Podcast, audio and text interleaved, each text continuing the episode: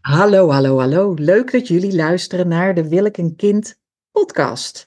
Met vandaag een hele bijzondere gast, Marloes. En Marloes is illustrator en auteur. En auteur van het boek Kinderen krijgen is optioneel. En ik heb een preview gezien, nog niet het echte boek in handen gehad, maar ik vind het een briljant boek. En je vertelde me net heel even, het boek is voor mensen, voor vrouwen die bewust kiezen voor een leven zonder kind. Kun je iets meer over jezelf vertellen als eerste? Um, nou ja, ik ben Marloes de Vries. Ik uh, ben inderdaad schrijver en uh, ik noem het heel vaak beeldmaker. Zal ik wat over het boek vertellen? Waarom ik het boek heb geschreven? Ja, ja vertel dat.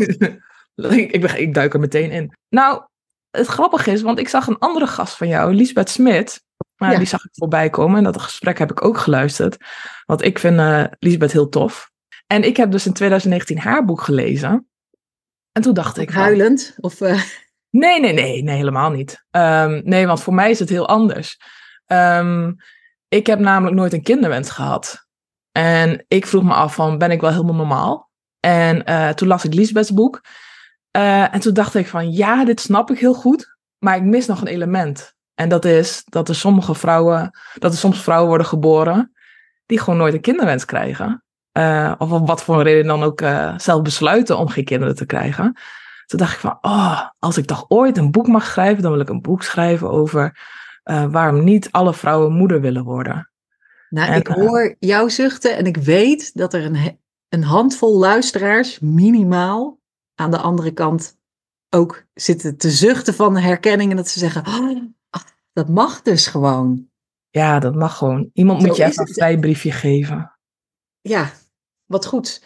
Um, je vertelde me net, wat, je, vertel maar aan de luisteraar, wat is de opbouw van je boek? Um, ja, dan moet ik het boek even er weer bij pakken.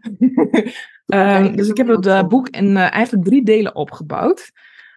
en dat is in deel 1, ontdekken dat er iets te kiezen valt. Uh, dat vind ik namelijk heel erg belangrijk, van dat het een keuze is.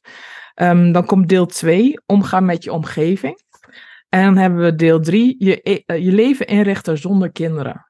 Dus in die drie delen heb ik uh, het boek uh, opgedeeld, want ik denk dat dat een hele logische volgorde is.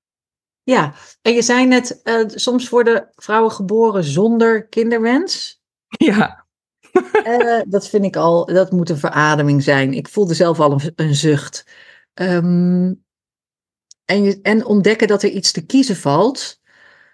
Want in mijn ervaring dat is dus een verfrissende uitspraak. En hij is verfrissend omdat mensen over het algemeen denken dat je als vrouw moeder wil worden. Mm -hmm. ja. Wanneer wist jij voor jezelf van, oh, dat heb ik niet?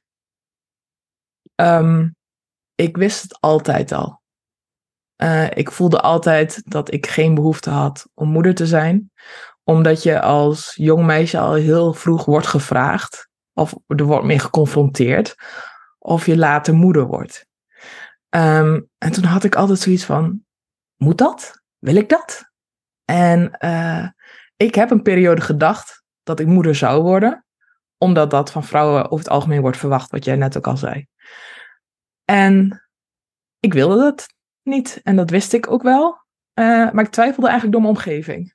Dus omdat de omgeving zei van ja, dat komt nog wel, dat gevoel. Um, wacht maar tot je de juiste partner hebt. Dus ik had toen al een partner, maar blijkbaar moest ik die aan de kant zetten. En dan met een andere partner nog opnieuw proberen. Um, en ik kreeg allemaal dat, dat, soort opmerkingen. Dat ik dacht van, oh ja, nou ja, blijkbaar komt dat later nog wel eens. Uh, dus daar wacht ik wel geduldig op. Maar inmiddels ben ik uh, bijna 40 en dat gevoel is er niet. En ik vermoed niet dat het ooit nog gaat komen. En als ik dan terugkijk, dan als kind wilde ik het ook al niet. Dus ik denk dat het voor mij een vrij uitgemaakte zaak is. Ja, dat is prettig. En het is wat ik ook prettig vind, is dat je ergens ook dus niet heel erg uitgesproken zegt van nou, dit staat 100% vast en dat dit is iets dat ik zo zeker weet dat je meteen mensen die dat. De enige die eraan mag twijfelen ben je zelf. Absoluut, ja. Maar um, dat je, voor je, dat je jezelf ook eens zegt van nou, ik ben er wel vrij zeker van. Je hebt het niet over 100%, maar je hebt gewoon die rammelende eierstokken niet. Heb je nog, hoe, hoe, hoe ben je je partner tegengekomen en wist hij dat? Heb je het daar van tevoren over gehad? Ehm, ja, we hebben via Tinder echt uh, acht jaar geleden elkaar ontmoet. Ehm, ik weet niet hoe, ik ben helemaal uit de dating scene, dus ik weet niet hoe mensen dat tegenwoordig doen, maar ik ontmoette hem op Tinder. En het ging eigenlijk wel vrij natuurlijk. Um, ik uh, zei denk ik vrij vroeg uh, wel van, nou ja, ik wil later denk ik geen kinderen. Omdat ik ook vind dat mijn partner daar ook een vrije keuze in moet hebben. Um, ik vind het fijn om daar helder over te communiceren. Want stel je voor dat hij wel een kinderwens had gehad, um, dan moet hij natuurlijk ook met iemand zijn die dat ook heeft. Um, maar hij gaf eigenlijk meteen al aan van, ja nee, ik heb ook geen kinderwens. Dus Oh, en dat was niet iets wat je op Tinder aanvinkt? Of is het wel iets wat je aan kunt Nee, toen nog niet. Ik weet niet of dat tegenwoordig wel iets is, maar toen was dat niet iets wat je aan kon vinken, nee. Dus het was een toevalstreffer? Ja, ik heb al met meerdere mensen gedate hoor, voor hem. Dus het was niet zo meteen raak. Ik heb ook wel een date gehad met iemand die vroeg echt, ik geloof na een half uur al dat we gesprek waren van, hoeveel, hoeveel kinderen wil jij laten? Dan zei ik, ho ho, hoeveel? uh, volgens mij heb je een vraag opgeslagen. ja. Dus uh, toen zei ik van, oh ja, nou, ik, ik heb geen kinderwens, denk ik. Tenminste, ik voel het niet. Kan nog veranderen, want ik was toen 30. Het kan veranderen, maar, maar ik denk het niet. Ja, dat, vind ik, dat is, ik was er net op zoek naar woorden, maar dat vind ik prettig. Ik vind het prettig dat je jezelf de ruimte geeft. Oh ja, vind ik heel belangrijk. Vind ik heel ja, belangrijk dat je zelf, Ja, dus dat je er bewust voor kunt kiezen, maar dat je toch nog de ruimte hebt om te zeggen van ja, mocht er dadelijk iets gebeuren dat het anders is, dan wil ik die ruimte ook nog um, benutten. Maar nu sta ik er zo in en voorlopig is het zo. Want hoe weet je of je geen kinderen wilt? Zo heet gewoon een hoofdstuk in je boek. Ja, omdat ik het heel belangrijk vind uh, dat mensen daar goed over nadenken. En wat ik heel erg merk is, en ook in gesprekken die ik met, met uh, jonge vrouwen voer, is dat ze toch hun keuze heel vaak van anderen laten afhangen. Dus als ze het kiezen voor het ouderschap is iets wat je zelf voor moet kiezen, vind ik. Dat moet echt heel erg vanuit jezelf komen. Um, en als je dan de hele tijd informatie gaat vragen bij vrienden, maar ook bij je partner, dat jij uh, van je partner laat afhangen of je wel of niet kinderen krijgt. Ik vind dat best wel een gevaarlijke, gevaarlijk iets. Want dan, ik vind dat je, uh, zo'n keuze moet autonoom zijn. Dus je moet eigenlijk los van je partner, vind ik. ik ben geen therapeut, maar ik vind dat je los van je partner. Um, moet je die keuze gaan maken. Dus als je daar heel erg over twijfelt en je voelt al die input van ja, en dat, dat um, verwart je misschien dan zeg ik van ja, ga een tijdje je afzonderen. Dat je helemaal tot jezelf kunt komen. Hoe dat, wat voor manier dat ook voor jou dan werkt. En ga je eens bezinnen op van hoe, hoe voelt het voor mij om die keuze te maken om geen moeder te worden. En ook de andere keuze van. En hoe voelt het voor mij om een keuze te maken om wel moeder te worden. Want daar heb je ook over nagedacht dus. Zeker, ja, ja, absoluut. Ja, van hoe zou mijn leven eruit zien als ik wel moeder zou zijn? En wat je tegenkwam, daarvan dacht je nou, liever het andere leven. Ja, ik, ik voel echt heel erg in mijn onderbuik van dat uh, geen moeder zijn voor mij de juiste keuze is. En nu heb ik, nou ja, ik zit een beetje op het randje, maar ik heb nog een keuze in principe. Um, maar mijn gevoel zegt nee. En ik vind dat ik daar trouw aan moet blijven.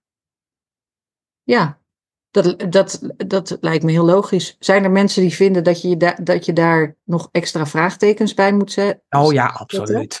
Ja, zoveel mensen die zeggen ah, Ik hoor hier oh. iemand die gepokt en gemazeld is door de samenleving. Je komt ja. constant onpas tegen. Ach ja, echt. Het zijn uh, um, altijd mensen die zeggen van... Ik denk dat je wel gewoon moet doen. En dan valt vanzelf alles op zijn plek. Dan denk ik van... Ik denk niet dat het leven zo werkt. Maar goed, dat, als, jij, als dat voor die mensen werkt... om op basis daarvan keuzes te maken... Uh, be my guest. Maar zo ga ik mijn keuzes niet maken. Maar kom je, ze nog, kom je ze nog steeds tegen? Laat ik eerst zeggen, je hebt in het tweede deel omgaan met je omgeving. Ik denk, weet je nog voor jezelf dat je echt min of meer een beslissing had genomen? Dus het was al, je hele leven al duidelijk. Maar mhm. op een gegeven moment krijg je vragen van mensen en dan wil je dat. Wat je net zo mooi, wat ik net heel mooi vond, is dat je de vrijheid neemt en de ruimte als je dertig bent om te zeggen, nou, ik voel het niet. Misschien dat het ooit nog komt, maar ik denk het niet. Wanneer, dat vind, lijkt me zo lastig. Als je kiest voor, noem je jezelf kindvrij? Ja, ik wel, ja. ja. Dus als je kiest voor kindvrij, wanneer vertel je dat aan andere mensen? Wanneer is het voor jezelf, ben je op een dag opgestaan? Hier hopen heel veel mensen op. ik weet dat er mensen zitten luisteren en zeggen, ja, ik hoop dat ik op een dag opsta. En dat ik dan een soort blikseminslag, een epiphany heb. En dat ik dan zeg, woehoe, het staat vast. ik ga het vieren met de wereld. Ik ga het delen met iedereen, want nu weet ik het zeker. Ik denk niet dat dat bestaat. Bestaat dat? Als die mensen bestaan, uh, dan hoor ik het graag. Maar ja, neem even contact op met me. Ja, ben, neem contact op met Evelien. Die vindt dat waarschijnlijk ook heel hartstikke leuk. Ja, dat vind ik zeker. Dat, eh, ik denk ook niet dat het bestaat. Maar wanneer vertel je bijvoorbeeld aan je ouders? Die, die, of die hebben dat altijd al tussen die hebben dat al die jaren al gehoord. Die wisten dit al. Ja, ik was daar heel erg open over. Ehm, omdat als mijn moeder. Weet je wat moeder, moeders. Jij bent ook moeder. Dat zeg je van zo. Uh, ik, jij zegt dat vast niet, maar misschien heb je dat van je eigen moeder gehoord. Dat ze dan zegt: Ja, wacht maar tot je later zelf kinderen hebt. Dat zegt mijn moeder, heeft dat honderden keren gezegd. En mijn moeder wilde liever een kleinkind nog dan dat ik een kind wilde. Oh ja, dat is ook wel ja, toen wij wegreden, een keer bij mijn ouders, toen zei mijn vriend tegen mij: Denk je dat je moeder door heeft dat jij zwanger bent? En ik, toen dacht ik: Hé, ja, natuurlijk, ze is met niks anders bezig. Hij zei: Ja, of denkt ze alleen maar: Ik krijg een kleinkind. En toen zei ik: Oh ja, dat hm. laatste. Ze heeft niet eens door dat ik een kind krijg. Ze denkt alleen maar. En dat was zo. Ehm, toen het niet lukte en toen ik er nog niet aan begonnen was, dus tot mijn veertigste was ik zonder kind. Toen was dat alleen maar heel pijnlijk. En super vervelend. En ik heb ooit een brief geschreven aan mijn dochter op Wereldmeisjesdag. Lieve Vesper, je hoeft voor mij geen kinderen te krijgen. En ik let er heel actief op dat ik dat niet tegen haar zeg. Dat ik niet zeg, wacht maar tot je later zelf kinderen hebt. Want ik, dat, is een, dat, is, die, dat is zo uh, verschrikkelijk, die opmerking. Ja. Maar um, ja, dus naast mijn eigen verdriet had ik ook nog het verdriet van mijn moeder. Is jouw moeder verdrietig geweest omdat jij niet een kinderwens hebt? Ten opzichte van mij niet. Dus ik weet niet hoe het achter de schermen was, maar tegen mij heeft ze altijd gezegd van... Dat, wat? Je kan alleen maar weten hoe het ten opzichte van jou was. Ja, uh, ten opzichte van mij is ze daar altijd heel open over geweest en uh, uh, heel vrij, vrijdenkend eigenlijk. Zo van, nou, als je dat niet wil, dan moet je dat niet doen. Dus daar ben ik wel heel erg blij mee. En heb ik ook heel veel geluk mee gehad dat mijn moeder er zo in stond. Um, maar ik zei dus ook al heel vroeg, als ze zei van... Ja, wacht maar tot jij later kinderen hebt. Zei, nou, die krijg ik niet. ja, dus ik, ik zag dat echt niet gebeuren. Dan hoef je het ook niet echt uh, mee te delen. Dus eigenlijk mensen die jou goed kennen en al lang kennen... die weten dit gewoon al. Ja, dus ik heb ook nooit heel veel weerstand van mijn directe omgeving gehad. Dat is dan ook wel interessant. Um, dus het helpt zeker als je al heel vroeg begint te, te zeggen van. Ik, ik denk dat het ook best wel fijn voor mensen zelf is om al heel vroeg te beginnen met van ik weet het niet. Want ik merk ook in gesprekken met anderen dat ze heel vaak zeggen van ah ja, dat komt later wel. Maar daardoor wek je ook heel erg de indruk van ja, ik wil dat wel, maar nu niet. Terwijl je, ik vind als je twijfelt, mag je gerust zeggen van ja, ik ben daar nog niet over uit en ik wil daar nog graag uh, over nadenken. Dit is heel essentieel. Dit is super belangrijk. En dat, je kunt dus ook zeggen, ik denk dat ik het niet wil, maar ik kom er misschien later nog wel. Ja. Zal ik, zal ik daar meer zekerheid in hebben? Want dan is het leven verder en dan is dat besloten. Maar ik denk dat ik het niet wil. Dat mag je dus ook zeggen. En dat heb dan ik altijd. moeten ja. de andere mensen dus hun bek houden. ja. In ieder geval niet komen met de bullshit. Um, wat is het ergste wat je gehoord hebt? Oh, ik heb ook in het boek een bullshit bingo. Echt ja, ja, ja, die zit ik naar, daar zit ik naar te kijken. Bingo, de bullshit. um, ja, ik denk dat dat heel persoonsafhankelijk is wat je dan erg vindt. Want iedereen heeft andere knopjes waar je op indrukt en waar ze dan in één keer ontvlammen. Um, ik vond het wel heel lastig dat uh, een hele goede vriendin van mij zei, terwijl ik al met mijn huidige partner was, dat ze zei van, um, je huidige partner is niet de juiste man voor je als je geen kinderen met hem wil. Dus, en toen zei ze daarna, met de juiste partner wil je namelijk wel een kind.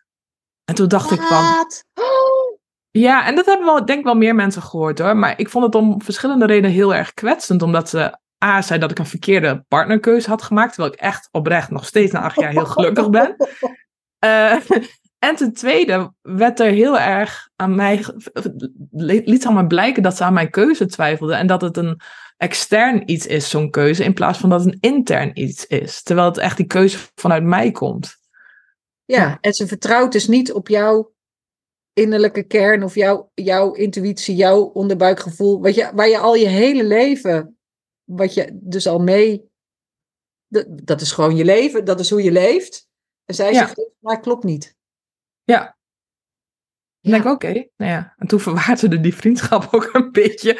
Want ja, ik vind het voor mij heel erg... Ehm, en want wat ik heel mooi vond, ik heb ooit eens in een boek, goed boek ook, Waarom vrouwen minder verdienen en wat we daaraan kunnen doen, van Mhm. Sophie van Gol, gelezen over wat je kunt doen met mensen die zeggen nee, dat is niet waar, of nee, zo zit het niet. En dan zijn er verschillende categorieën van hoe je met die mensen om kunt gaan. Heb je dat ook? Hoe reageer Want ja, dus deze vriendschap verwaterde een beetje. Heb je ook familieleden gehad die onbegrip hadden? Daar kun je, kom je eigenlijk niet vanaf. Ja, ja, er zijn altijd wel familieleden. eh, er is altijd wel een tante die zegt van... eh, nou, daar krijg je spijt van hoor. Maar weet je, ik, ik heb daar een beetje lak aan. Want ik weet voor mezelf heel goed wat belangrijk is. En als ik... ehm, ik, ik denk dat als je heel erg zeker bent van wie je bent en wat belangrijk voor jou is, dat als er iemand een opmerking over je maakt die niet waar is, dat je dan het heel makkelijk, of in ieder geval makkelijker van je af kan laten glijden. Want Ja. als ik heel erg zeker, ik weet dat ik het meest geraakt word ehm, als mensen eh, iets essentieels van mij over het hoofd zien of me niet helemaal zien voor wie ik ben, of dat ze gewoon complete bullshit praten. Ja, zoals dus bijvoorbeeld, dit is niet de juiste partner, want als het de juiste partner zou zijn, dan zou je wel iets anders willen. ja, dat is complete bullshit natuurlijk. Ja, En wil- kan ik wel, wil ik wel toevoegen. Ik heb ook van mensen verhalen gehoord van, nou, die zaten in een relatie, wilden ze geen kinderen omdat ze ook de partner geen goede eh, eh, ouder achten. Ehm, en dat ze met een andere partner dat gevoel veel werden versterkt. Van, oh, met hem of haar wil ik dan wel een gezin. Eh, ik, ik blijkbaar kan dat. Ik heb die ervaring dan niet zo. Ehm, dus ik wil niet zeggen dat dat al, altijd zo is. Dus ik denk ook dat een kinderwens kan veranderen afhankelijk van de persoon met wie je samen bent misschien. Maar ik heb dat dan niet zo, omdat ik de keuzes heel erg bekijk vanuit mezelf. ja precies. En het is, je hebt er eigenaarschap over, zeggen we dan Ja. in coachingland. Ja. ja, dus, je, dus eh, de, en dat is denk ik ook, ehm, heb je het ergens over het verschil tussen kinderloos en kindvrij? Leg je dat uit aan mensen? Ja. Het zit al meteen in, eh, in het eerste hoofdstuk volgens mij al. Ehm, ik vind het namelijk eh, best wel eh, een complex iets. Want je hebt aan de ene hand kinderloos, je hebt kindvrij. En ik, eh, ik, te- ik teken dat ook fysiek zo van, eh, ik teken dat gewoon van, ja, er zit zoveel tussen. Tussen die twee dingen. Ja, En ook hoe je jezelf noemt, dat is natuurlijk ook eh, ja, wat je zelf het fijnst vindt. Dat zijn mensen die liever zeggen gewenste kinderloosheid. Ehm, ik zeg zelf liever kindvrij. Ehm, dus ja, dus, dus, dus best wel veel zit, zit ertussen. Ah, ik ben ineens benieuwd, wat is de leukste reactie die je ooit gehad hebt? Ehm, nou ja, sinds ik het boek heb geschreven, komen echt heel veel leuke reacties. En ehm, ik hoor heel veel van dat mensen bijvoorbeeld niet weten hoe ze met familieleden of met ouders over dit onderwerp moeten hebben. En dat ze dan gewoon het boek toeschuiven. En dat alleen het zien van de titel en de illustratie op de, op de cover, dat dat voor heel veel mensen al het gesprek opent. En ehm, ik had laatst een heel mooi berichtje van iemand die zei van, ik kan eindelijk met mijn moeder hierover spreken zonder dat ik me heel erg gestrest voel. Ehm, dus dat doet me ontzettend veel goed. Want ik dacht wel eens, terwijl ik ook aan het schrijven was van... Jeetje, van voor wie doe ik dit nou eigenlijk? En gaat iemand dit lezen? En dat ik nu ook al zoveel reacties heb van mensen van... Dit opent het gesprek en dank je Volgens mij is het mega belangrijk, want ik zeg ook wel eens tegen mensen, we leven in, een, ik moet even slikken, in een pro-natalistische samenleving. Ja. Dus we leven in een samenleving die ervan uitgaat dat vrouwen moeder worden. Dat Mhm. is de norm. En alles wat afwijkt, nou, daar moet je dan een goede reden voor hebben. Ja, bijzonder eigenlijk. hè. Dat je Ja, een dus goede dat is heel reden raar. Dus zeker is jouw boek nodig, want het is, het is nodig om, eh, om die ruimte, die ruimte moet bevochten worden. Zeker Mhm. door vrouwen, misschien meer nog eh, dan voor mannen. Heeft jouw partner, krijgt hij veel vragen of opmerkingen? Nee. Is tegen hem ooit gezegd, je moet een andere partner zoeken, want dan... eh, Nee. Ook niet van, daar krijg je later spijt van. Ook niet. krijgt Ook hij niet, ook niet te horen. Nee, en ook niet van... ehm, eh, wat krijg ik nog wel eens te horen? Van, ja, wie gaat er later voor je zorgen als je oud bent? Krijgt hij ook niet te horen. Nee, ze gaan ervan uit dat jij dat doet. Ja. en dat je dan langer blijft leven. Ja. Dus, ja. dan weet je Ja, ik, dat allemaal. ik, daarom is dit boek eigenlijk ook best wel een, een, feministisch boek. Het gaat er ook om van dat vrouwen de ruimte krijgen om hun eigen keuzes te maken. En keuzes te maken die goed bij, bij henzelf passen. Ja, precies dat. Precies dat. hey, en hoe weet je nu of je kinderen wil? Kun je daar iets over zeggen? Want zo heet wel een hoofdstuk. En dat, ik weet zeker dat. Of hoe weet je eigenlijk, laat ik het omdraaien. Hoe weet je dat je kind vrij wil leven? Um, hoe weet je of je kind vrij wil leven? Um, ja, ik kan het alleen maar vanuit, eh, vooral vanuit mij zeggen hoe, hoe ik het wist. En dat was uh, omdat ik het altijd wel voelde. Uh, ik moest ook voorbeelden zien van, oh ja, er zijn meer vrouwen die zonder, zonder dat ze moeder worden verder gaan in het leven. Um, en wat ik al eerder zei, van, ik denk dat je echt jezelf moet even moet afzonderen van, van alle, alle opinies. Um, en voor jezelf gaan nadenken van hoe zie ik mijn leven voor me en wat voel ik. Um, en ik heb daar inderdaad ook een hoofdstuk over geschreven. En ik neem aan dat jij dat ook, dat jij mensen daar ook in begeleidt. Van ja, hoe kom je daar nou eigenlijk achter? Ja, ja, ja. Het, het, ik, heb, uh, ik herken heel veel in, van wat er in je boek staat. Ik vind die portretgalerij ook heel mooi van die getekende kopjes van alle uh, vrouwen zonder kind. En dit zijn allemaal vrouwen die daar bewust voor gekozen hebben dan. Ja, die ja. bewust want ik kom ook nog wel eens tegen. Dat is natuurlijk lastig. Het lastige is dat als je ervoor kiest om geen moeder te worden, dan is het dus eigenlijk geen issue in je leven. Behalve dat andere mensen er een issue van maken. Ja. En Ja. dat vind ik ook al een worsteling met de woorden. Dat je jezelf kindvrij moet noemen in de plaats van gewoon vrouw of marloes of Ja, eh, eh, boekenmaker, beeldmaker, auteur. Ja, het is dus ook niet zo als ik me voorstel dat ik dan zeg van hallo, ik ben Marloes en ik ben kindvrij. het is meestal van, ja, ik ben Marloes en, en dit doe ik. En als mensen dan vragen, soms komt dat gewoon te sprake van, heb je kinderen? zeg ik, nee. En daar, ik, ik voeg daar zelf altijd wel aan toe en daar heb ik voor gekozen. Omdat ik wel merk dat als ik dat niet toevoeg, dat mensen al meteen kijken van, oh. Ja, oh, wat een Ja, ja, Ja, ja. ja, ik heb al, probeer ik mensen uit te leggen dat de vraag eigenlijk niet kan. Maar in jouw geval kan de vraag dus weer wel. Ja. Eh, maar dat kunnen mensen niet weten.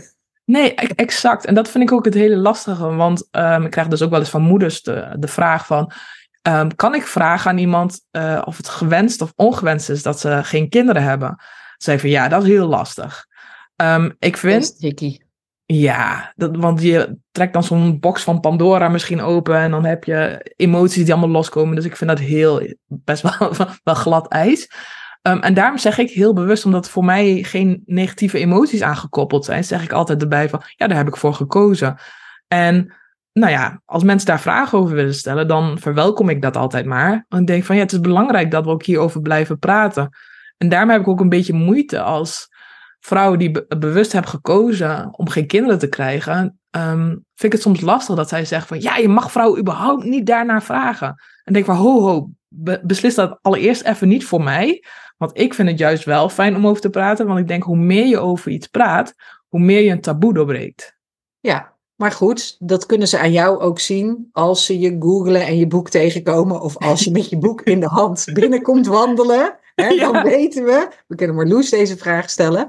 Ehm, ik vroeg me ook af, ik kom ook vrouwen tegen die denken, ik denk dat ik wil leven zonder kind, maar ik voel geen fundament om de beslissing op te baseren.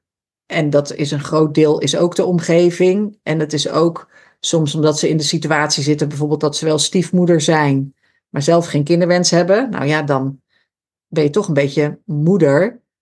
Ehm, en je hebt niet het kindvrije bestaan wat je eigenlijk wil. En ik kom dus ook wel wat vrouwen tegen die zeggen: Ja, ik ben bang om mijn vrijheid te verliezen. Maar, en nou komt het, dat vind ik egoïstisch van mezelf. Ik, Mm. eh, ik, ik, ik zat te twijfelen, moet ik het woord egoïstisch noemen? Ik heb er zelf een ontzettende hekel aan als mensen het woord egoïstisch gebruiken als het gaat om de kinderwens. Omdat het een persoonlijke wen, het is een persoonlijke, het is een manier van leven. Het is een, Mm. een smaak. Het is een persoonlijke overtuiging, iets wat je persoonlijk, het heeft met je persoonlijkheid te maken. Dus het is vervelend om dat woord egoïstisch mee te nemen. Maar is dat een woord wat jij veel hoort? Als je zegt, ik heb gekozen voor geen kinderen. Ja, vind, je dat niet egoïstisch? En dan vraag ik altijd terug van, voor wie is het egoïstisch? Voor wie is het egoïstisch dat ik eh, niet kies voor kinderen? Wie, wie, wie heeft er echt heel veel nadeel aan dat ik geen kinderen krijg? En wat zeggen mensen dan? Ja, misschien je ouders, die hadden zo graag eh, grootouders willen worden. Ik zeg, nee. Die vinden dat prima. Maar dan nog, ook al zouden mijn ouders het erg vinden, het is mijn leven. Ik ben Ja. niet op de wereld gezet om mijn ouders, zelfs niet om mijn ouders te plezieren. Ik ik denk dat in sommige culturen dat wel zo is, maar in Nederland hebben we heel gelukkig de vrijheid ehm, om daar niet voor op de wereld te worden gezet. Nee, en ik denk dat, maar, en ik denk dat je in sommige gevallen ook. Dus wat ik zei net, dus het schuldgevoel dat je je moeder verdriet aan doet, en je vader misschien ook wel. eh, in mijn geval zeker ook wel. Als ik niet een kind had gekregen. Dat ook als je dus kindvrij zou willen kiezen, heb je daar ook mee te dealen. Maar dat woord egoïstisch, ik vraag altijd waarom gebruik je het woord egoïstisch? Maar voor wie vind ik ook een hele goede vraag als Ja. reactie op gebruik van het woord. Voor wie dan? Ja, en dan weten mensen, eh, Ja. hebben ze meestal geen antwoord. Nee, ik, eh, weet je, of je nou wel of niet kinderen wil, dat is een hele persoonlijke keuze. Maar ik vind het ook interessant wat je net zei, van dat jouw ouders heel teleurgesteld zouden zijn geweest als je geen kinderen had gehad. Denk ik van, stel je voor dat ik als persoon ehm, ouders had gehad die heel graag wilden dat ik kinderen zou krijgen. En ik had gezegd van, ik wil geen kinderen. Ik denk dat dat me heel ongelukkig zou maken. Maar als ik jou daar heel gelukkig mee maak, mama of papa, dan doe ik dat. Maar dan offer ik dus mijn eigen leven daarvoor op, zodat zij dat geluk kunnen ervaren van opa of oma zijn. En denk van, wil je dat als ouder echt? Dan bedoel ik dan mijn ouders, hè? Wil je echt je eigen ja, kind? ja, nou en het geldt, het geldt voor mij ook, want bij mijn zusje, die heeft uiteindelijk ook geen kind gekregen. Dus, het, dus daarin, dat blijft, eh, die heeft wel tanteschap volledig eh, om, omarmd. En die, dus die is hier een vaste dag in de week. En eh, en die hebben een, een hele nauwe band samen, mijn dochter en zij. Maar dat is natuurlijk iets waar, wat, wat ik ook ehm, pijnlijk vind. In sommige, als ik zie hoe mijn ouders reageren op dat hele kleinkinderschap en hoezeer ze daarmee bezig zijn. En dat daar, eh, dan moet je best, daar moet je, daar moet je heel zorgvuldig mee omgaan. Mhm. En ehm, dat doen we ook. Dat doen we veel meer dan vroeger. Dus vroeger we zaten, we zaten, waren, waren er allemaal nog potenties. En nu zijn we allebei rond de 50. Ik ben meer 50 dan mijn zus trouwens. Mijn zus is jonger. maar, eh, eh, dus nu zijn dat gepasseerde sta- stationnetjes. Want jij hebt ook een stuk vriendschappen onderhouden met je ouders. Ja, vriendschappen houden met ehm, mensen met kinderen. Oh, met ouders. Oh, je bedoelt niet jouw ouders, je bedoelt gewoon met mensen met kinderen. Ja, hoe doe je dat? Ja. Want dat is ook. eh, Ja, dat is super lastig. Vooral als, ehm, ik zeg altijd van, nou de eerste twaalf jaar zie je ouders eerst even niet terug. Dan zijn ze gewoon van de radar. Je moet als, als een, een vrouw zonder kind of mens zonder kind, moet je echt even heel geduldig zijn. Totdat die ouders weer op de radar komen. Maar je merkt het wel vooral in de eerste jaren. Ik denk vooral de eerste vier jaar, totdat een kind naar de, naar de kleuterschool en zo gaat. ehm, merk je heel erg dat ouders even van de radar zijn. En dat, dat snap ik. Het is gewoon hartstikke impactvol om een kind te krijgen. Ehm, dus daar, daar, daar moet je gewoon wat geduld mee hebben. Ehm, maar daarnaast eh, vind ik dat het ook heel erg belangrijk is dat je blijft communiceren met je vrienden. Dus ik merkte op een gegeven moment wel dat eh, ik bepaalde vrienden had die overal hun kinderen mee naartoe namen. Dus als ik gewoon dacht van, oh, ik ga even een goed gesprek weer met, met, met ehm, weet ik veel, met, met eh, Sandra voeren. Ik wil echt weer een goed, goed stevig gesprek aan de diepte in gaan. Dan is het niet handig dat daar een kleuter de hele Nee. tijd omheen scharrelt. nee, die zijn eigenlijk nooit handig, maar bij het formuleren van volzinnen ja, zijn het obstakeltjes. absoluut. Dus ik, ik probeer dan ook wel heel erg duidelijk te communiceren van... Goh, het lijkt me zo fijn om even één op één met jou weer een goed gesprek te voeren. Wanneer heb je tijd voor een bakkie? Ehm, dus ik, ook hoe ik de vraag stel om af te spreken, maak ik heel erg duidelijk van eh, in wat voor setting ik het voor me zie. Omdat ik merkte dat ehm, ik totaal niks kan. Ik, ik ben heel erg van de diepgaande gesprekken, dus ik kan niks met. eh, oh, wat leuk weer, hè? Van, oh, nou, nou nu, moeten weer luier verschoond worden. En dan eh, van, eh, ja, wat ga je volgende week doen? Ja, dat weet ik nog niet. En, oh, oh die moet een flesje hebben. Ja, ik, ik kan, dat is, gesprekken van ouders van jonge kinderen zijn niet meer dan dat. Ik heb ook Ja. ergens in een speeltuin gehangen samen met een vriendin. En toen gingen we weg. En toen zei ik, hey, gaat het eigenlijk oké? Duimpje omhoog. Ze ja, we hebben elkaar gewoon niet gesproken. Ik zeg, nee, het is gewoon niet te doen, dit. Het is gewoon Nee. niet te doen. Ik heb dat wel als tip staan van ga met je vriendin naar de speeltuin. Maar dan moeten wel kinderen zelf zelfstandig Ja. zijn dat ze echt wel een half uurtje in een klimrek kunnen hangen. Zonder dat ze de hele tijd komen. Mama, mama, mama, mama, mama. Ja, precies. Of dat jij denkt, oh nee, niet onder die schommels door, niet dat zand opeten, niet dat... eh, Oh, dat, dat had ik misschien in het boek moeten zetten. Van je moet wel naar de speeltuin gaan, maar dan ga je met je rug naar je kinderen toe zitten. Ja, dat zou nog kunnen, maar dat moet je dus ook kunnen. En heb je nieuwe, nieuwe vrienden gekregen? Ja, eh, en daar Kom ben ik ook wel naar op zoek gegaan. Dat, ehm, ehm, ja, dat ik mensen zocht van die ook geen kinderen hadden. Maar die, hoe zoek je die? Want dat staat ook niet aangevinkt. Of, Nou ja, gewoon je ogen open houden. En ook, eh, ik vind social media daarvoor een heel mooi medium. Dus je kunt daar ook al best wel veel zien van iemands leven. En dan merk je op een gegeven moment van... hé, hey, die is al de 35 gepasseerd en die heeft nog geen kinderen. En dan stuur je daar even een DM naartoe van... eh, ja, hoe gaat het met jou? Vind je het leuk om een keer koffie te drinken? dus eh, ja, met social media tegenwoordig gaat het best wel makkelijk. Ja. Oh, wat een goede tip. Ja, en ook bijvoorbeeld ehm, als, jij, eh, als je geen kinderen hebt en je wil je vriend, vriendschap, eh, je vriendenkring uitbreiden, dat je bijvoorbeeld naar een cursus of zo gaat. En dan moet je gewoon heel specifieke momenten opzoeken. Ehm, dat zijn bijvoorbeeld eh, in de avond door de week. Er zijn heel veel ouders gewoon in de weer met hun kinderen. Ehm, of ook wel in het weekend heel vaak. Dus op bijvoorbeeld zaterdagochtend, dus echt zo'n moment voor bijvoorbeeld een keramiekclub. Ehm, dat er gewoon re- relatief Ik weinig zelf nog heel graag keramiekclub. Maar goed, ja. Ja, heel leuk is dat. Ik heb dat ook gedaan. Maar dan bijvoorbeeld zaterdagochtend is echt zo'n moment dat er minder ouders aanwezig zijn. Omdat heel veel ouders dan op het sportveld staan. Of die moeten naar muziekles met hun kinderen. Dus je moet een beetje de momenten, moet je gewoon eh, aan je vrienden met kinderen vragen. Op welke momenten van de week ben jij het allerdrukst? En als je dan voor een cursus aanmeldt, moet je dan die momenten gaan zoeken. Dit vind ik een gouden tip. Dit vind ik een gouden tip. nou, het boek staat vol van. Ja, ja. En met hele leuke, humorvolle eh, plaatjes erbij. Ja. Hey, en ehm, ik weet dat de grootste angst van vrouwen is, toch? Het zijn er twee. Ik wil er twee aanhalen. De ene is eenzaam oud worden. En de andere is spijt krijgen. Dat zijn ze.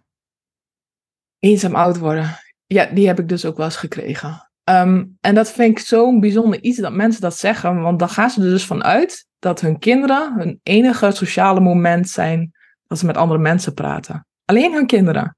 En denk ik van, maar dat is toch niet wat het leven is? Je onderhoudt, toch contacten met, met vrienden. En misschien ga je later naar een bejaardentehuis en heb je daar ook contacten. Ehm, ik, ik vind dat eigenlijk best wel sneu als mensen dat zeggen. Want dan gaan ze er echt dus van uit dat hun kinderen hun enige sociale moment zijn in hun leven als ze ouder zijn. Ja, en ik stel ook vaak de vraag van oké, en hoe, hoe oud zijn jouw ouders en hoe vaak zie je die? Wat heel Ja, confronterend is, want hoe, hoezeer loop je daar de deur plat? Misschien als je in de straat woont en eh, nou ja, goed. Ik, mijn, Ja. eigen, vri- mijn vriendinnen hebben wel eens gezegd dat ik belachelijk veel naar mijn ouders ga. Dus en nu helemaal, eh, ja, nou, twee, drie keer in de maand wel. Terwijl toch 200 kilometer rijden is en Oeh, ja. eh, we daar eh, overnachten dan. Dus het is ook nooit zomaar één dagje, maar wel twee dagen. Maar ik denk dat ik, eh, ik zit best hoog in de frequentie en veel mensen zitten veel lager in die frequentie. Dus dan denk ik ook, ja, ben je dan de rest van de week niet eenzaam? Ja, dat zijn ouders. toch- Maar ik denk dat ja, het ouders ook zijn dan- meer zit in het verhaal of in het mee kunnen leven.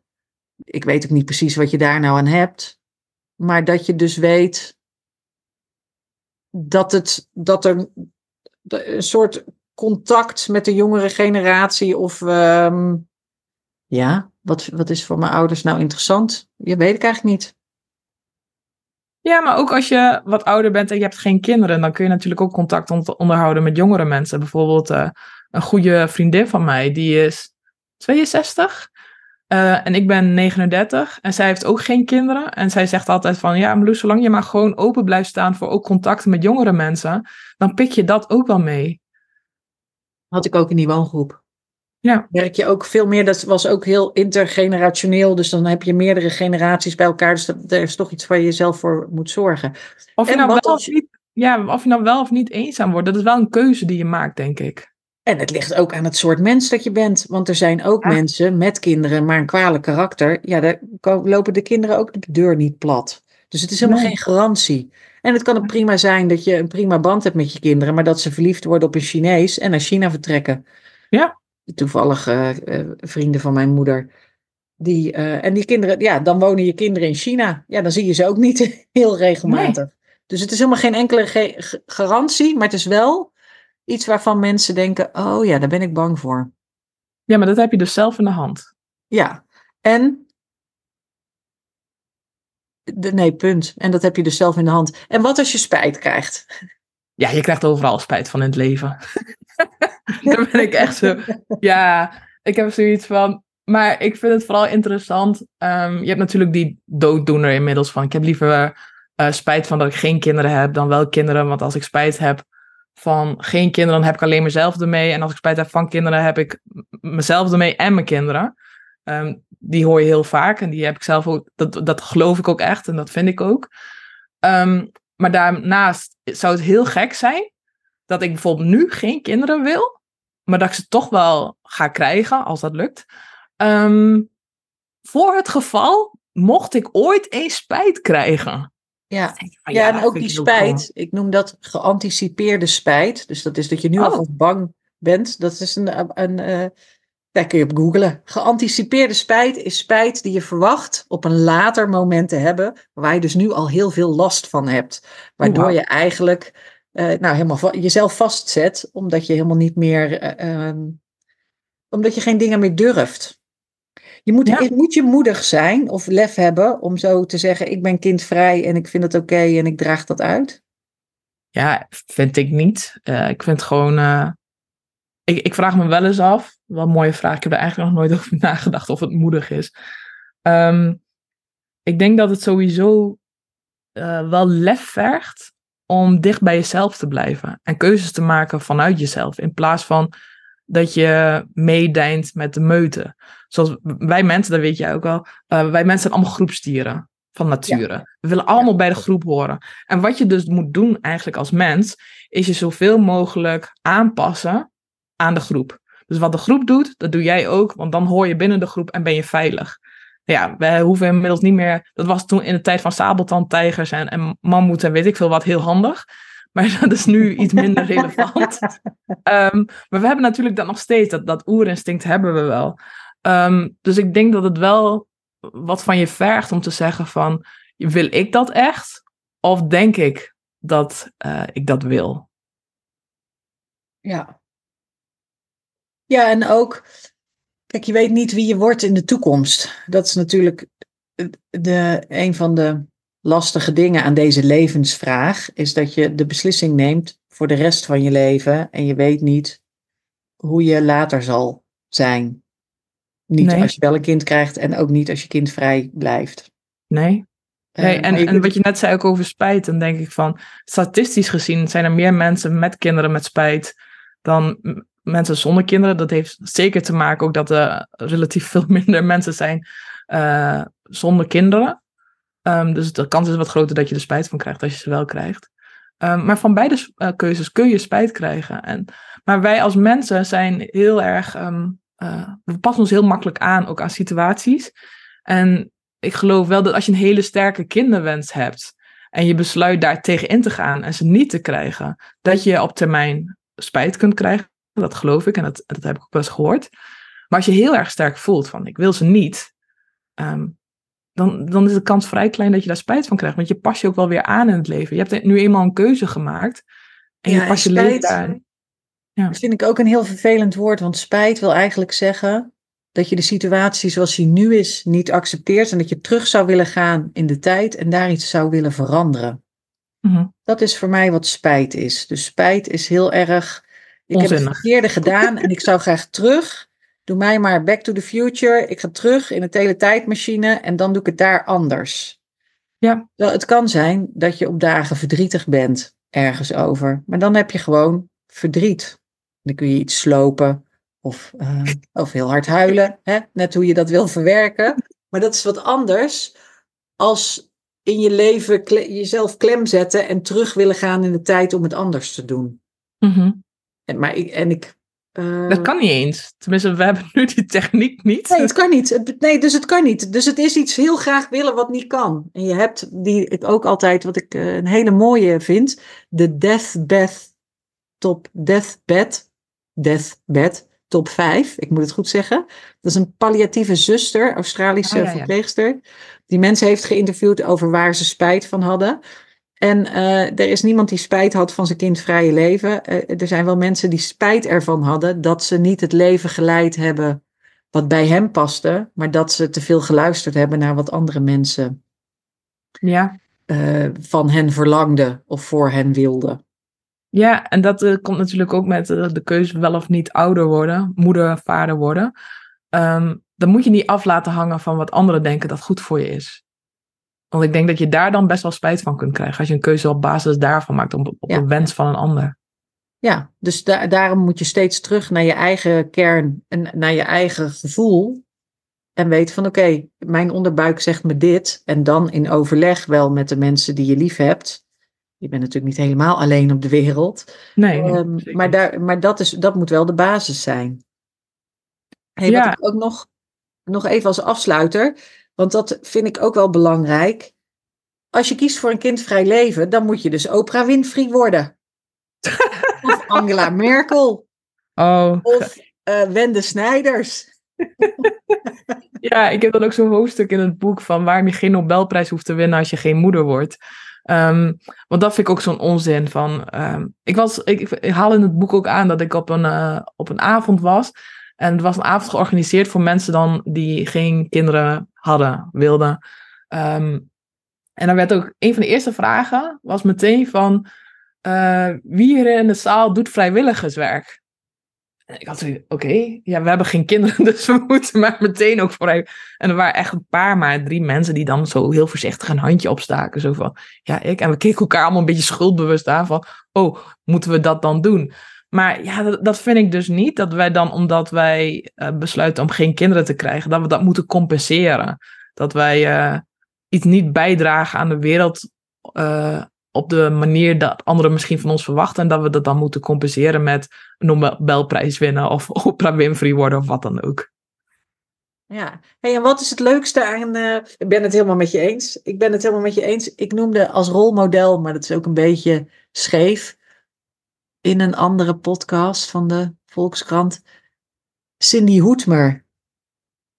Die ken ik schrijft, zij schrijft boeken, hilarisch grappige boeken. Over eh, het knullige leven van een rommelaar. Ze heeft een hele hele lange titel en ik ben hem vergeten. Maar die boeken van haar zijn briljant. En het, eh, wat zij het liefste doet, naast schrijven, waar ze briljant in is, is gewoon met de vrienden in de kroeg zitten, voor de kat zorgen en af en toe met haar ouders naar Spanje en daar bingo doen. En verder niks. Oh, zalig. Ja, Wat een dat goed vind ik zo leven. fantastisch. Ja. Ehm, dus, dus ik ben het helemaal met je eens. Je hoeft dus helemaal niet dat op te vullen door iets anders. Nee, het, het leven is om te leven. En, en hoe je dat leven leidt, dat bepaal je niet altijd helemaal zelf, maar je hebt het toch wel deels in de hand. Dus dan moet je het maar gewoon zo doen zoals het goed voelt. Of je het goed toedunkt. Ja, en je had ehm, eh, afsluitend, je zegt ook aan, aan moeders en niet-moeders zullen we leven en laten leven. Is er een groep waarvan je denkt, die kan nog wel een kleine nudge gebruiken? Ja, ik denk, ehm, nou ja, er zijn heel veel moeders, in mijn ervaring, die echt totaal eh, het oké vinden dat, eh, dat ik geen kinderen heb. Dus er is best wel ook een grote groep die heel heftig reageert als ik zeg dat ik geen moeder wil worden. En wat ik dan merk is dat ze het als kritiek op hun eigen keuze zien als ik zeg dat ik geen moeder wil worden. Dus ik ben dan altijd heel gauw van, zeg, de keuzes die ik voor mezelf maak, hebben niks te maken met jouw keuzes. Dus ik keur jouw keuze niet af. Ehm, dus dat probeer ik altijd heel erg duidelijk te maken. Ik vind vooral dat we niet zoveel kritiek op elkaar moeten hebben. Ehm, dat merk ik ook bijvoorbeeld. ehm, ik zit op eh, social media en op Instagram zit ik best wel wat, volg ik wat van die accounts die dan eh, Child Free Life Ja, eh, promoten. En er zijn een paar hele fijne bij. En ik ben ook wel eens gewoon hele, hele kri- kritische communities tegengekomen die dan eh, redelijk antinatalistisch zijn. Dus die vinden dat niemand kinderen hoort te krijgen. En dan denk ik van ja, daar, daar ga je bij mij echt een grens over. Want dit is niet hoe het leven werkt. We moeten gewoon uh, voor onszelf goede keuzes maken die bij ons passen. En dan vooral geen kritiek hebben om op zoiets levensveranderend als een, als een kind krijgen bij een ander. Als iemand anders voelt dat dat de juiste keuze is, wie, wie ben ik dan om daar kritiek op te hebben? Ik wil ook niet dat mensen kritiek op mijn keuze hebben. Dus dan moet ik ook geen kritiek hebben op anderen, vind ik. Nee, dat ben ik helemaal volkomen met je eens. Volkomen met je eens. En ook, uh, ik volg ook een aantal child-free, he, eh, een paar hele goede child-free accounts op Instagram. Van mensen, en daar hoor je dus alle bullshit die ze regelmatig te horen krijgen en te zien krijgen. En ik denk ook dat mensen die zich heel erg aangevallen voelen door kindvrije mensen, misschien ook wel hun eigen twijfels overschreeuwen. Ja, zeker. Dat uh, heb ik ook een hoofdstuk van in mijn boek. Um, want wat ik al eerder zei, ook in het begin, dat als jij heel zeker bent van een keuze die je voor jezelf maakt, dan doet kritiek een stukje minder. Dus ik merk ook bij deze keuze, als iemand tegen me zegt, oh, daar krijg je later spijt van, dan moet ik altijd een beetje grinniken. Want ik weet heel erg voor mezelf van, ik denk niet dat ik hier ooit spijt van ga krijgen. Daar heb dus ik als, over nagedacht. Dus als ik tegen iemand zeg van, of als ik heb ook sinds het boek uitkomt best wel veel kritiek op mijn dag gehad. Echt heel, heel, hele nare dingen. Maar dan moet ik altijd een beetje op grinniken. Omdat ik dan denk van, als jij vindt ehm, dat, ik geen, dat het slecht is dat ik geen kinderen heb. En daar zo de noodzaak van voelt om te zeggen van, en dat is een foute keuze. En dan krijg je spijt van, en je moet, en je moet, en je moet. Dan denk ik van, wow, daar zit iets bij jou dat jij blijkbaar twijfelt over je eigen keuze. Dat kan niet anders. Want als jij echt denkt van, ik heb het ouderschap compleet omarmd, ik maak mij heel gelukkig, dan voel je niet zo die noodzaak om kritiek te uiten op anderen. Ja, dat denk ik, ben ik helemaal met je eens. Dat denk ik ook. Dat denk ik ook. Er zijn veel dingen waar mensen onbewust van zijn en dat ze misschien onbewust verbaasd zijn over de optie, omdat het de, de minder gekozen optie is. Dus dat heb je. Maar de kritiek, die komt van mensen die misschien zelf ook wel twijfels hebben en uh, daar heel hard over schreeuwen. Ja, ik zeg iets heel hards in mijn boek wel. Toen ik dat teruglas, dacht ik, oeh, wat heb ik hier nou geschreven? Maar ik, uh, ik schrijf dus inderdaad iets van, uh, um, ja, als je zo de noodzaak voelt, dan je moet je bij jezelf te raden gaan van, heb jij geen spijt van kinderen krijgen dan? dan want het kan natuurlijk heel hard, dat zeg ik in het boek, dat, het kan heel hard voelen dat, dat je ergens voelt van, ik wilde eigenlijk geen kinderen. Ik heb ze gekregen omdat ik dacht dat ik daar iets goeds mee deed. Voor de maatschappij of voor mijn ouders of wat dan ook. En dan komt in één keer zo'n vlierenfluiter zoals ik voorbij lopen. Nou, ik heb geen kinderen, want dat wilde ik niet. Dan kan het best wel pijnlijk zijn, denk ik, voor sommige mensen. Van, oh, ik had die keuze ook wel graag willen hebben. Dus ja. Dat, ja. Nou, dat is wel wat je terugleest ook in dat boek. Ik, heb je dat gelezen? Spijt van het moederschap van Orna Donat? Ik heb het gelezen, maar ik ben heel slecht in dingen onthouden uit boeken. Ja, zij interviewt gewoon, zij is Israëlisch, ze, en zij interviewt moeders met spijt van het moederschap. En dat zegt, die, die moeders zeggen ook, ik heb niet spijt van mijn kind, maar ik heb spijt van alle hmm. taken die bij het moederschap horen en dat ik er niet goed over heb nagedacht. Ik ben er min of meer ingerold. En nu zit ik in dit leven en ik kan geen ander leven meer krijgen en ik baal ervan. Ik, had, het, ik had het liever niet gedaan. Ja, en dat is ook iets wat ik mezelf heb afgevraagd. Van, ik stel mezelf nooit de vraag van, wil ik een kind? Ik, ik heb altijd zelf altijd de vraag gesteld, wil ik moeder zijn? En toen dacht ik van, ja, moeder zijn, dat ben je de rest van je leven. Wil ik dat? En soms denk ik wel van, nou, ik zou af en toe wel moeder willen zijn. Maar dan, moeder zijn is echt continu. En dan denk ik van, nee, dat wil ik niet. Ja. En een kind blijft maar een kind voor een bepaalde periode. Hè? Op een gegeven moment wordt het is gewoon een mens. En ja, ja ze groeien op, het zijn fases. En op een gegeven moment worden ja. pubers. Uh, ik, ik heb er nu al moeite Mag je dat weten? Ik heb er nu al moeite mee. Heb je, kinderen, zijn, heb je bijzondere band met kinderen in je leven? Ja, ja uh, dat vinden mensen dus weer heel gek. Tenminste, ik had laatst een interview uh, met Trouw, de krant. En ik vind het toch wel bijzonder dat je dan wel heel erg toegewijd bent aan kinderen. Dus ik maak elke week een, een strip voor de Tina. Um, en daarin ben ik heel erg uh, mijn boodschap aan het verkondigen van uh, kies voor een leven dat bij jou past. En dat zeg ik niet. Ik zeg niet tegen Tina lezers van krijg geen kinderen. Absoluut. ah, wat goed. Nee, absoluut niet. Het gaat meer om van, nou, dat je ook gewoon als kind zijde um, goed bij jezelf blijft stilstaan van wat wil ik. Um, ik vind dat heel belangrijk. En dat is ook een boodschap die ik aan kinderen mee wil geven. En ook in, in de boeken die ik schrijf voor kinderen en de verhalen die ik schrijf vind ik het heel erg belangrijk om dat mee te geven. En uh, ik ben zes jaar lang badjevrouw geweest. Uh, en ik heb ook, ik vind het heel erg leuk om met kinderen te praten. Leuke kinderen.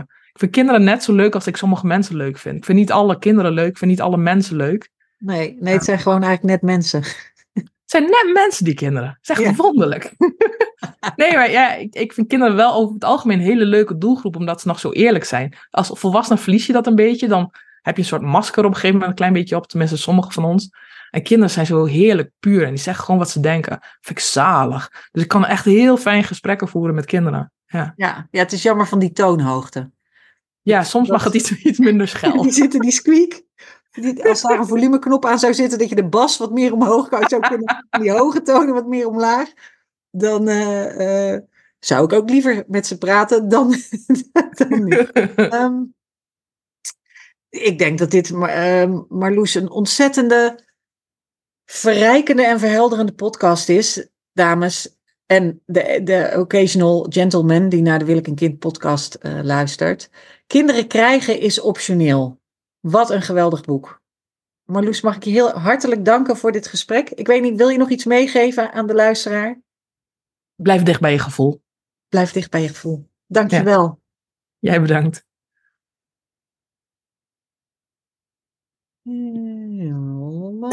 Mooi, kan ik even weer hoesten? Die is al me dwars.